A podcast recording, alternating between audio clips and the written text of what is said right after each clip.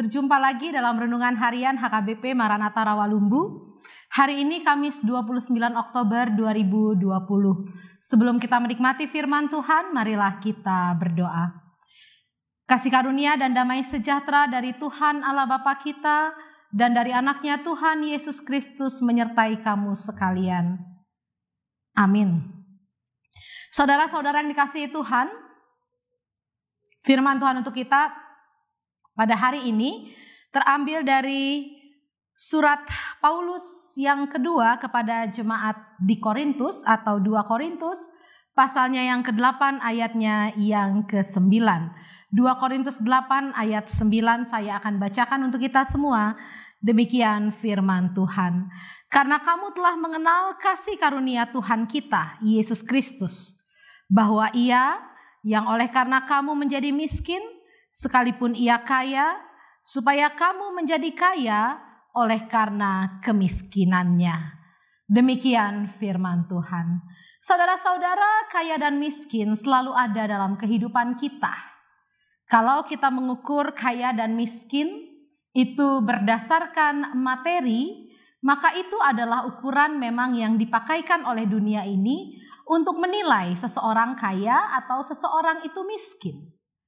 Namun saudara-saudara, Paulus kepada jemaat Korintus mengingatkan bahwa jemaat Korintus yang terkenal sebagai jemaat yang kaya bukan hanya di harta benda karena Korintus adalah kota yang besar sama seperti kita.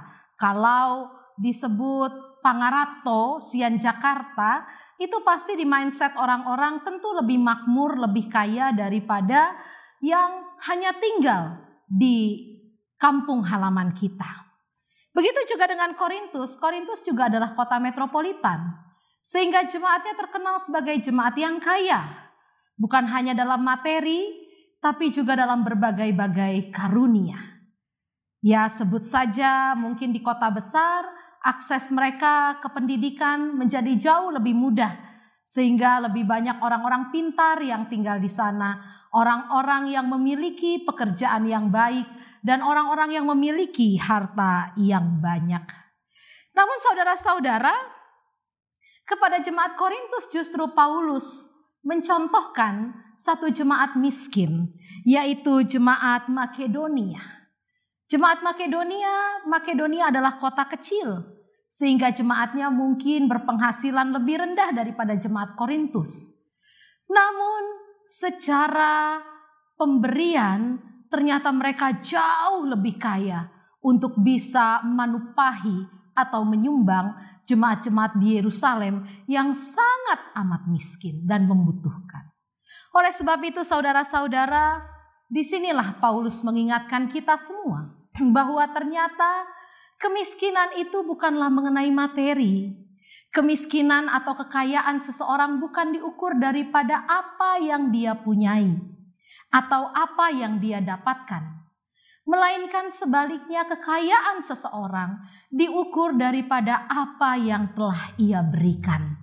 Seperti Kristus telah mengorbankan dirinya yang harusnya ia kaya bersemayam di surga, tapi ia rela lahir di kandang domba, menjadi seorang anak tukang kayu, bisa saja Yesus memilih Raja Herodes untuk menjadi orang tuanya. Bisa saja dia memilih orang-orang kaya menjadi orang tuanya. Tidak.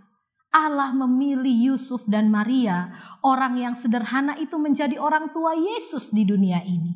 Dan sampai mati pun Yesus tidak punya harta apa-apa.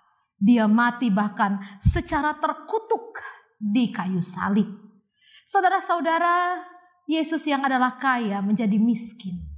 Tetapi justru karena kemiskinannya itulah kita menjadi kaya. Itulah yang firman Tuhan katakan. Kaya apa?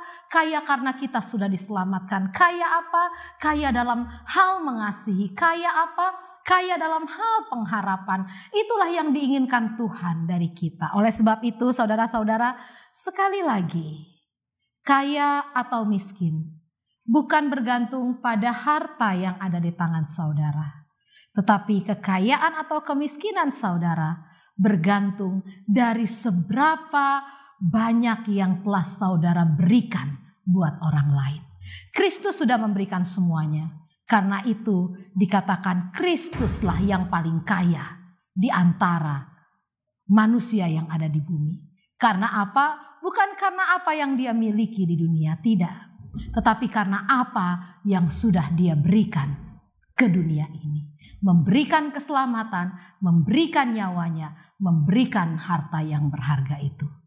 Tuhan Yesus mengasihi saudara. Amin. Kita berdoa.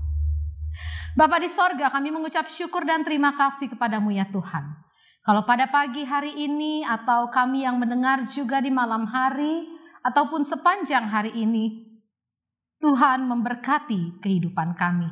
Sehingga kami boleh bersekutu lagi bersama dengan firman-Mu melalui renungan harian di hari ini.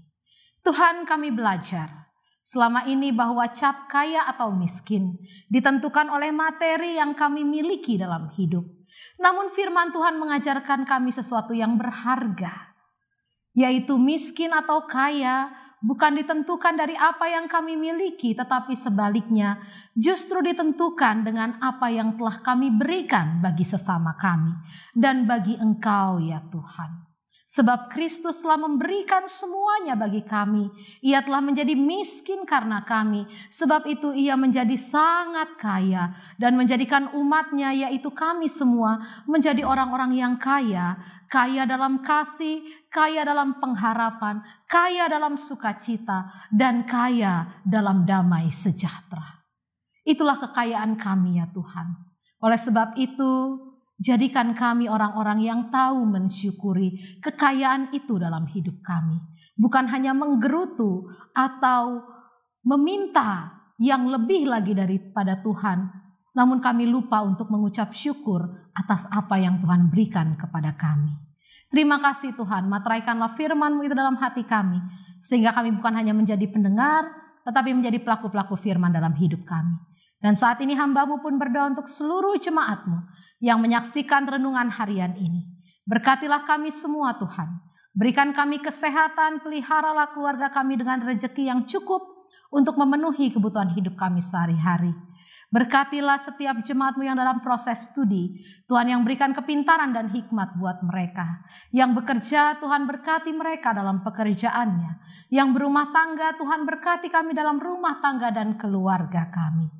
Yang sakit Tuhan berikan kesembuhan, yang berbeban berat Tuhan berikan jalan keluar, dan yang berduka Tuhan hiburkan hatinya. Secara khusus yang hari ini berulang tahun pun Tuhan yang tambahkan panjang umur, kesehatan dan sukacita dalam hati mereka. Terpujilah namamu Tuhan, dalam Kristus Yesus kami berdoa. Terimalah berkat dari Tuhan, anugerah Tuhan kita Yesus Kristus, kasih setia dari Allah Bapa dan persekutuan dari Roh Kudus, itulah yang menyertai engkau pada hari ini sampai selama-lamanya. Amin. Shalom, Tuhan Yesus memberkati.